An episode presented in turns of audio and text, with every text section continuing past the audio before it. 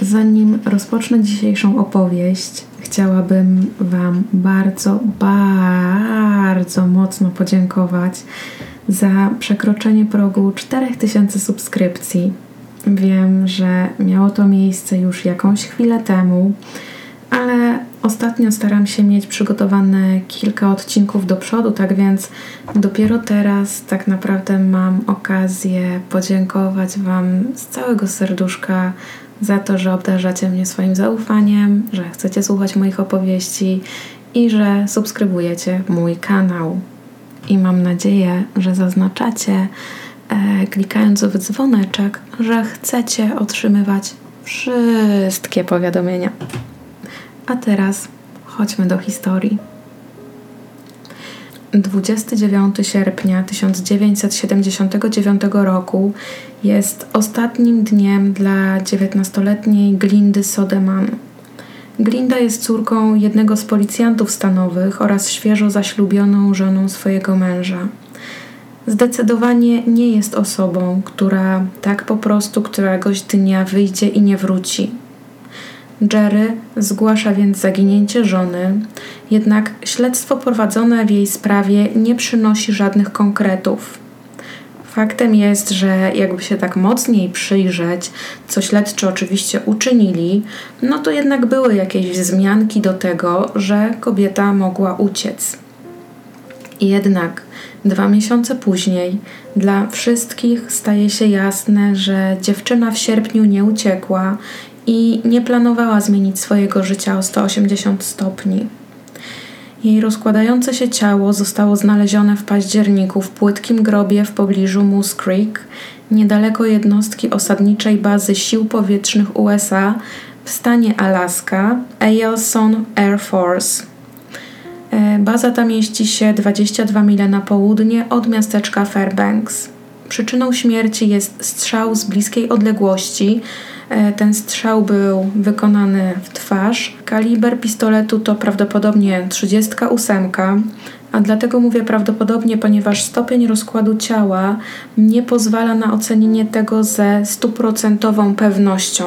Ponieważ w takich sytuacjach, gdy ginie zamężna kobieta, pierwszym podejrzanym jest zawsze mąż, lokalni śledczy zabierają się za maglowanie Jerego Sodemana, jednak szybko dla wszystkich staje się jasnym, że to nie on stoi za śmiercią Glindy. 11 czerwca 1980 roku Thomas Ering widzi, jak jego młodsza, 11-letnia siostra Doris rozmawia na Belger Road na przedmieściu Fairbanks z nieznajomym mężczyzną, który siedzi w samochodzie, a samochód ten ma niebieskawy odcień. Mężczyzna jest ubrany w niebieski uniform, który wygląda jak mundur wojskowy, y, taki mundur, jaki noszą lotnicy sił powietrznych. Dziewczynka jak zawsze ma ze sobą swój rower, a dwa dni później rower ten zostaje znaleziony schowany w krzakach przy Bajer Road, a sama Doris po prostu zniknęła. Tomas podaje rysopis mężczyzny, z którym rozmawiała siostra, i rysopis ten zostaje przekazany na każdy posterunek policji, e, który mieści się w okolicy, oraz do telewizji, do radia i do gazet.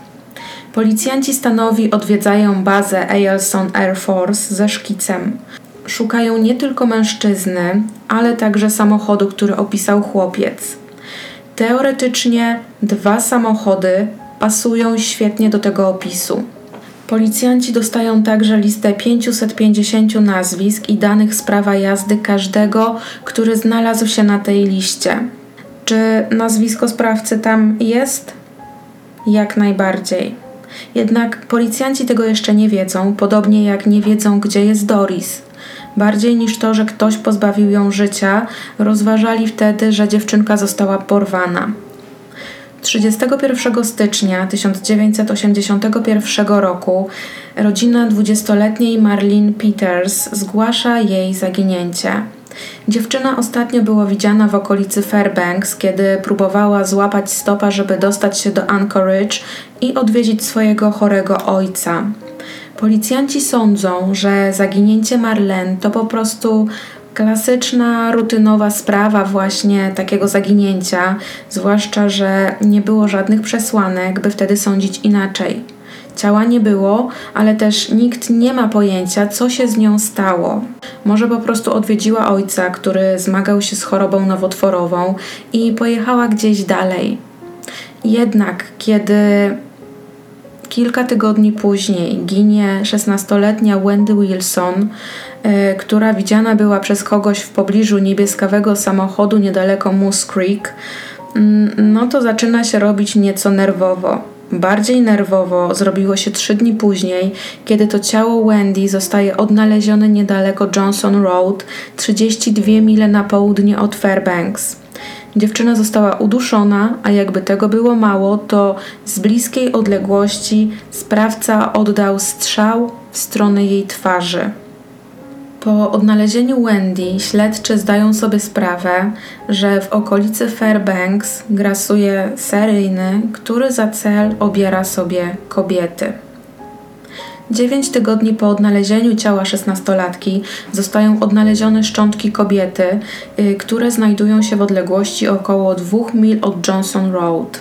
Tak jak w przypadku szesnastolatki, kobieta otrzymała strzał w twarz z bliskiej odległości. Zwłoki te zostały zidentyfikowane jako Marlene Peters, a dwa dni po pozytywnej identyfikacji na policję wpływa zawiadomienie o zaginięciu 19-letniej Lori King. Dziewczyna była ostatnio widziana w Fairbanks i prawdopodobnym jest, że próbowała złapać stopa. Policja, wojsko i wolontariusze przeczesują teren w okolicy Johnson Road w poszukiwaniu jakiegokolwiek najmniejszego śladu Lori oraz 11-letniej Doris. Śledczy uczulają mieszkańców Fairbanks, że jeśli tylko zobaczą jakiś samochód, który bierze na stopa dziewczynę, niech taka osoba zanotuje numery rejestracyjne owego samochodu, a potem zawiadomi najbliższy posterunek policji. 2 września zwłoki Lori zostają odnalezione przez czterech myśliwych, którzy są w trakcie polowania na króliki. Dziewczyna była uduszona oraz pozbawiona życia dodatkowo strzałem z pistoletu z bliskiej odległości. Tym razem w śledztwo zostaje zaangażowane FBI z takiej racji, że zwłoki dziewczyny znaleziono na terenie, który podlega pod jurysdykcję biura. Zostaje też stworzona specjalna jednostka składająca się z funkcjonariuszy Policji Stanowej, FBI, wojskowych, ze specjalnej jednostki z bazy Eielson Air Force, wojskowych z jednostki y, Fort Wainwright, policjantów z posterunków Fairbanks oraz Departamentu North Pole City Police. Śledczy Sam Barnard udaje się do Atlanty oraz do bazy w Quantico, by tam śledczym współpracującym przekazać wszystkie informacje dotyczące zbrodni w Fairbanks. Eksperci tworzą portret psychologiczny sprawcy. Prawdopodobnie to samotny mężczyzna, cywil, próbujący za wszelką cenę i wbrew przeciwnościom losu utrzymać swoją aktualną pracę. Sam Barnard zabiera z powrotem na Alaskę wszelkie informacje, jakie udaje mu się uzyskać o sprawcy, bo spędził dwa dni analizując zarówno jego profil psychologiczny, jak i przy użyciu nowej komputerowej technologii, szukając podobieństw czy jakichkolwiek wskazówek wśród spraw, jakimi się zajmował. Do śledztwa zostają też zaangażowani psychologowie z Fairbanks, którzy wykluczają, by motyw działania sprawcy miał podłoże napastowania, chociaż niektóre ofiary miały takie ślady. Przez strzelanie do kobiet z bliskiej odległości sprawca chciał pozbawić je w jego oczach ich tożsamości i sprawić, by każda kolejna ofiara wyglądała tak samo i nie różniła się od poprzedniej. Ewentualnie ma to być namiastka strzelania do osoby, której twarz mężczyzna ma w głowie w momencie dokonywania zbrodni. I cały proces pozbawienia życia dziewczyn i kobiet wyglądał na mocno przesadzony, bo jak wykazują sekcje zwłok, ofiary są najpierw duszone i to jest głównie przyczyną ich śmierci. Śledczy zwracają się do społeczeństwa z prośbą o pomoc w ujęciu sprawcy i zwrotnie otrzymują ponad 7 tysięcy informacji, które potencjalnie mogą im w tym pomóc. Śledczy zabierają się za przeczesywanie tych wszystkich wskazówek i odrzucają zdecydowaną większość. A dlaczego? Ponieważ dotyczą głównie dziwnych czy wręcz dziwacznych zachowań sąsiadów samych zgłaszających, ale ponoć w tamtych czasach w Fairbanks nie było niczym nienormalnym posiadanie przynajmniej jednego dziwnego sąsiada w okolicy. No i nie zapominajcie też o tym, że śledczy mieli jeszcze tę listę 550 nazwisk e, z bazy powietrznej. Musieli te wszystkie informacje w jakiś sposób uporządkować i nadać im odpowiednie priorytety. Przełożeni typują dwóch głównych detektywów do tej sprawy. Śledczego Chrisa Stockarda, który znany jest z bycia maniakiem komputerowym, jak na tamte czasy oczywiście, oraz sierżanta Jima McCanna, który z kolei znany jest ze swojej zawziętości, zaciętości, oddania sprawom, którym aktualnie się zajmuje, więc jednym słowem jest to właściwy człowiek na właściwym miejscu. W lutym 1982 roku tych dwóch panów jest bardzo blisko namierzenia swojego sprawcy, zwłaszcza, że lista nazwisk z jednostki powietrznej Ailson z 550 została zawężona do trzech nazwisk.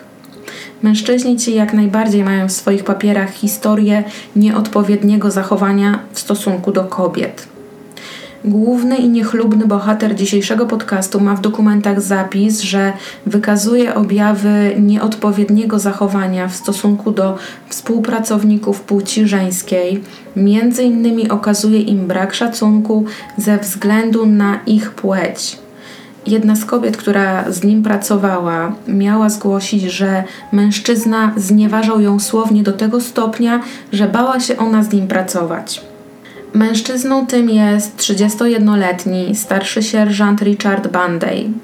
Śledczy początkowo odrzucili go jako podejrzanego, ponieważ nie pasował on do profilu psychologicznego. To znaczy, był ostatecznie dziwaczny, żeby móc być podejrzanym, ale był też żonaty, był ojcem, miał stałą pracę i ta praca to, była, y, to był etat w bazie sił powietrznych, no i bynajmniej nie miał trudności z utrzymaniem tej pracy. Ostatnia zbrodnia, którą można by przypisać tajemniczemu póki co sprawcy, miała miejsce 16 maja 1981 roku i rok później, w listopadzie 82, śledczy zaczynają myśleć, że ktokolwiek był odpowiedzialny za nią albo umarł, albo został osadzony w więzieniu za jakieś inne przestępstwa, albo po prostu przeniósł się gdzieś indziej. No i jeśli przeniósł się gdzieś indziej, to mógł na przykład być wojskowym i dostać w innym mieście e, przydział. Tak więc śledczy zwracają się do Biura Bazy Sił Powietrznych z prośbą o listę osób, które takie przeniesienie dostały. I jak najbardziej na liście jest nazwisko Tomasa Bandeja, który takie przeniesienie dostał 9 września 1981 roku czyli tydzień po odnalezieniu ciała Lori King. Śledczy decydują, że w związku z tym przyjrzą się ponownie sprawie zaginięcia 11-letniej Doris oraz jeszcze jednej dodatkowej sprawie. Ta dodatkowa sprawa dotyczy pozbawienia życia Cassandry Goodwin, 22-letnia kobieta. Ciało jej zostało znalezione niedaleko Hurricane Gulch. Miejsce to znajduje się w znacznej odległości, bo ponad 185 mil od Fairbanks. Natomiast ciało kobiety zostało znalezione prawie rok wcześniej, zanim Thomas Banday dostał to przeniesienie. Nową jednostką Bandeya stała się baza Shepard Air Force niedaleko Wichita Falls w Teksasie. Śledczy zaczynają się przyglądać nieco dokładniej Thomasowi. Rozmawiają z jego byłymi współpracownikami, sąsiadami, znajomymi. Wszystkich tych ludzi łączy ze sobą jeden fakt – i tym faktem jest to, że nie lubią Tomasa i w ich oczach mężczyzna jest odludkiem, samotnikiem i dziwakiem. A porównując fizjonomię Tomasa do portretu pamięciowego, jaki dostarczył starszy brat Doris, okazuje się, że twarz Tomasa jest prawie identyczna ze szkicem.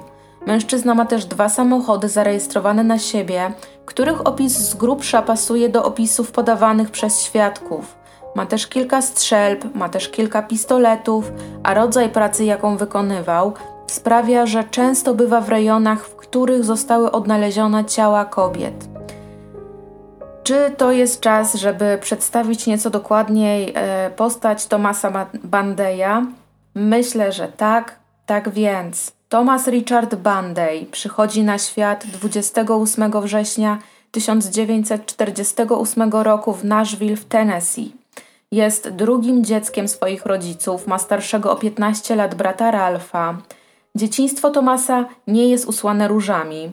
Jego rodzice nieustannie się kłócą.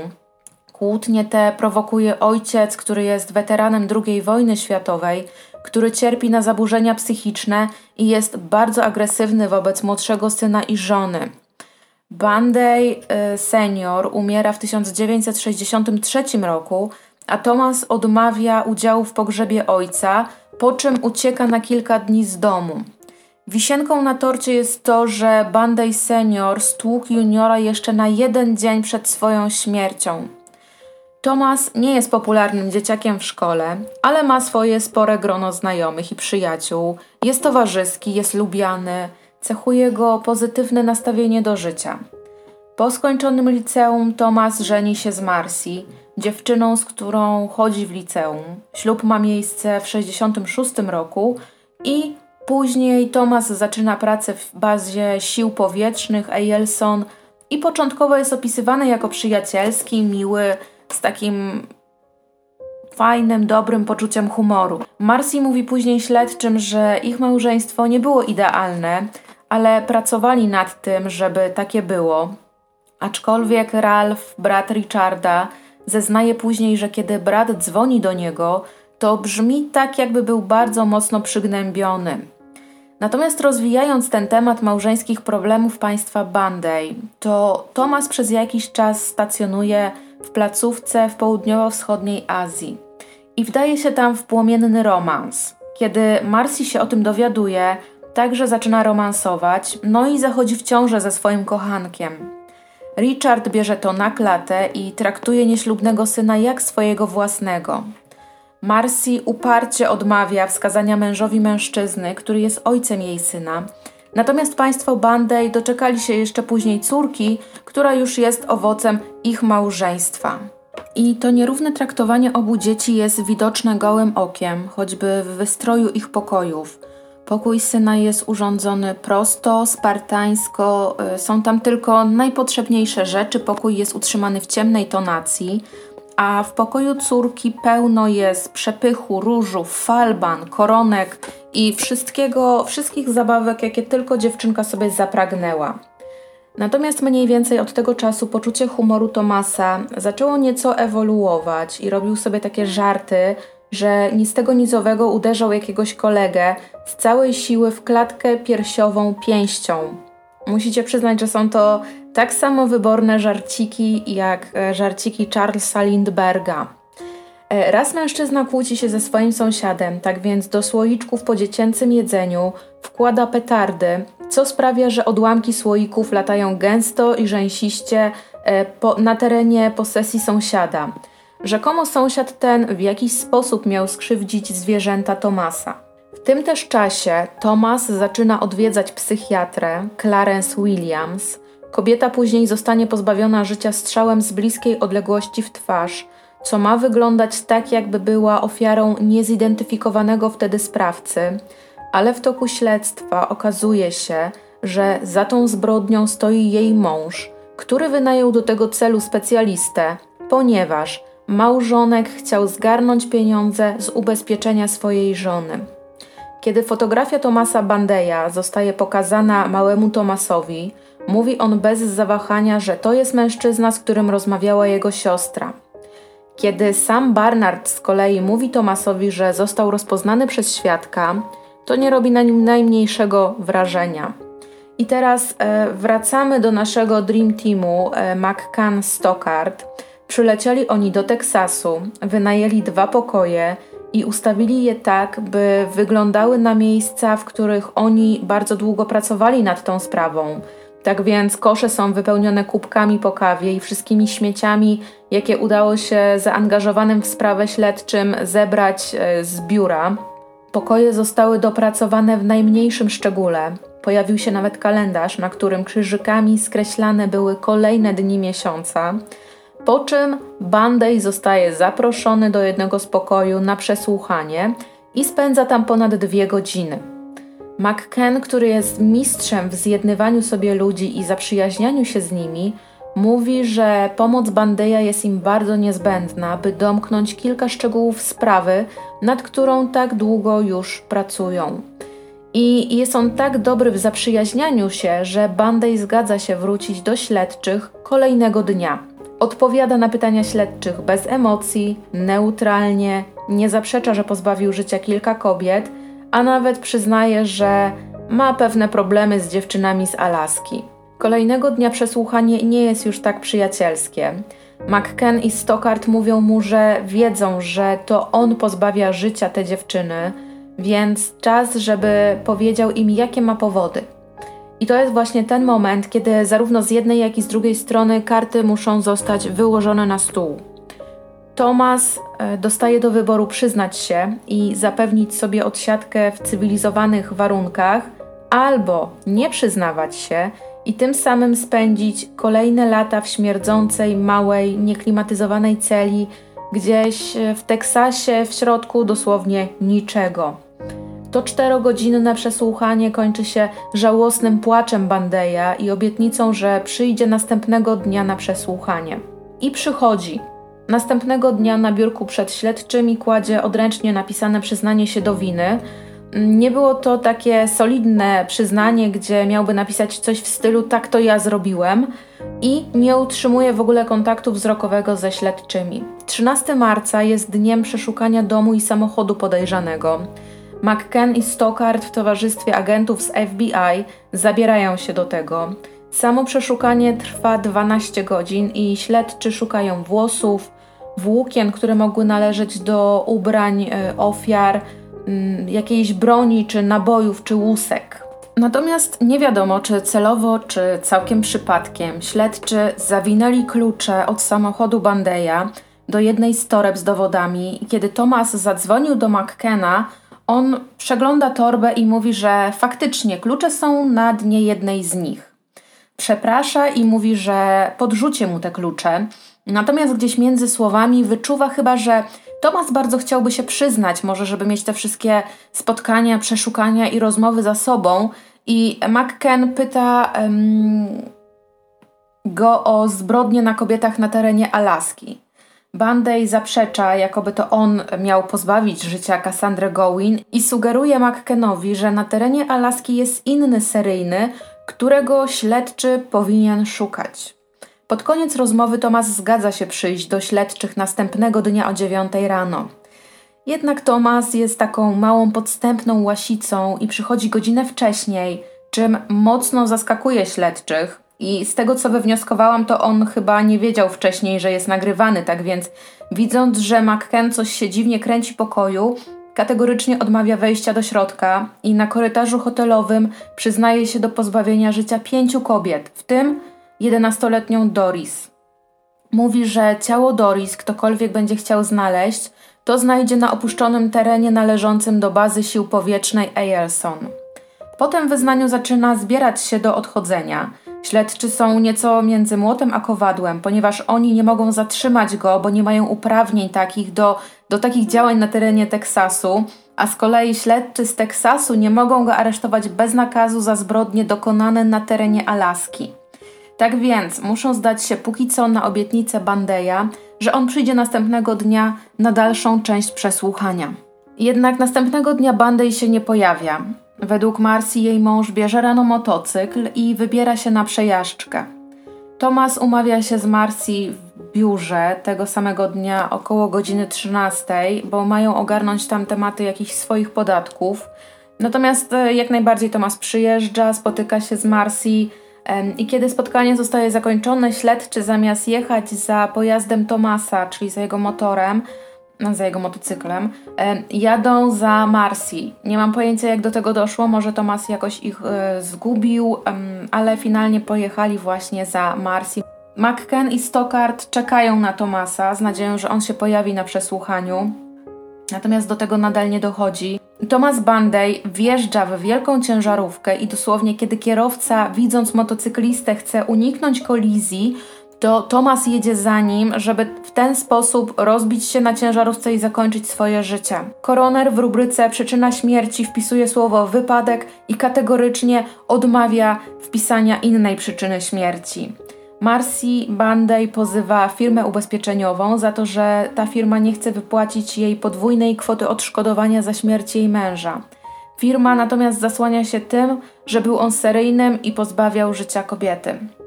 Najprawdopodobniej za śmiercią Cassandry Gowan miał stać jej chłopak, który był handlarzem wszelkich substancji nielegalnych, jednak finalnie nie został on o nic oskarżony. Po śmierci Tomasa Bandeja okazuje się, że włosy znalezione w jego samochodzie należą do Wendy Wilson, a jeden z zarekwirowanych pistoletów jest tym, z którego mężczyzna strzelał w twarz Lori King oraz Wendy. Dwa lata później kości 11-letniej Doris zostały znalezione w miejscu wskazanym przez Tomasa. Mężczyzna pozbawił życia dziewczynkę najprawdopodobniej w innym miejscu, po czym z jej ciałem w bagażniku wjechał na teren bazy sił powietrznych, pewnie machając przyjaźnie do strażnika, e, a strażnik kompletnie był nieświadomy tego, co Tomas wierzy w bagażniku.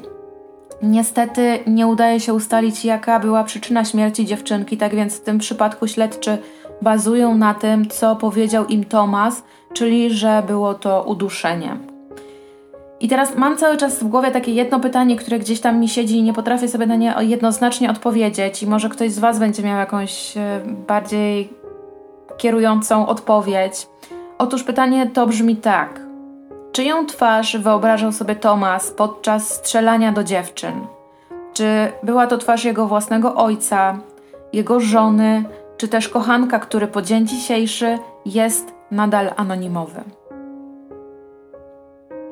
Dziękuję Wam bardzo za wysłuchanie tego podcastu. Jak pewnie zauważyliście, gdzieś mniej więcej od połowy tego nagrania e, nagranie ma troszeczkę gorszą jakość, a to dlatego, ponieważ podczas edycji zorientowałam się, że przechrzciłam Tomasa na Roberta, tak więc chciałam, żeby to miało ręce i nogi i mniejszym złem było chyba raczej trochę gorsza jakość niż przechrzczenie Tomasa na Roberta. Dziękuję Wam bardzo serdecznie za wysłuchanie kolejnego podcastu o człowieku z Alaski i do usłyszenia niebawem, czyli za tydzień.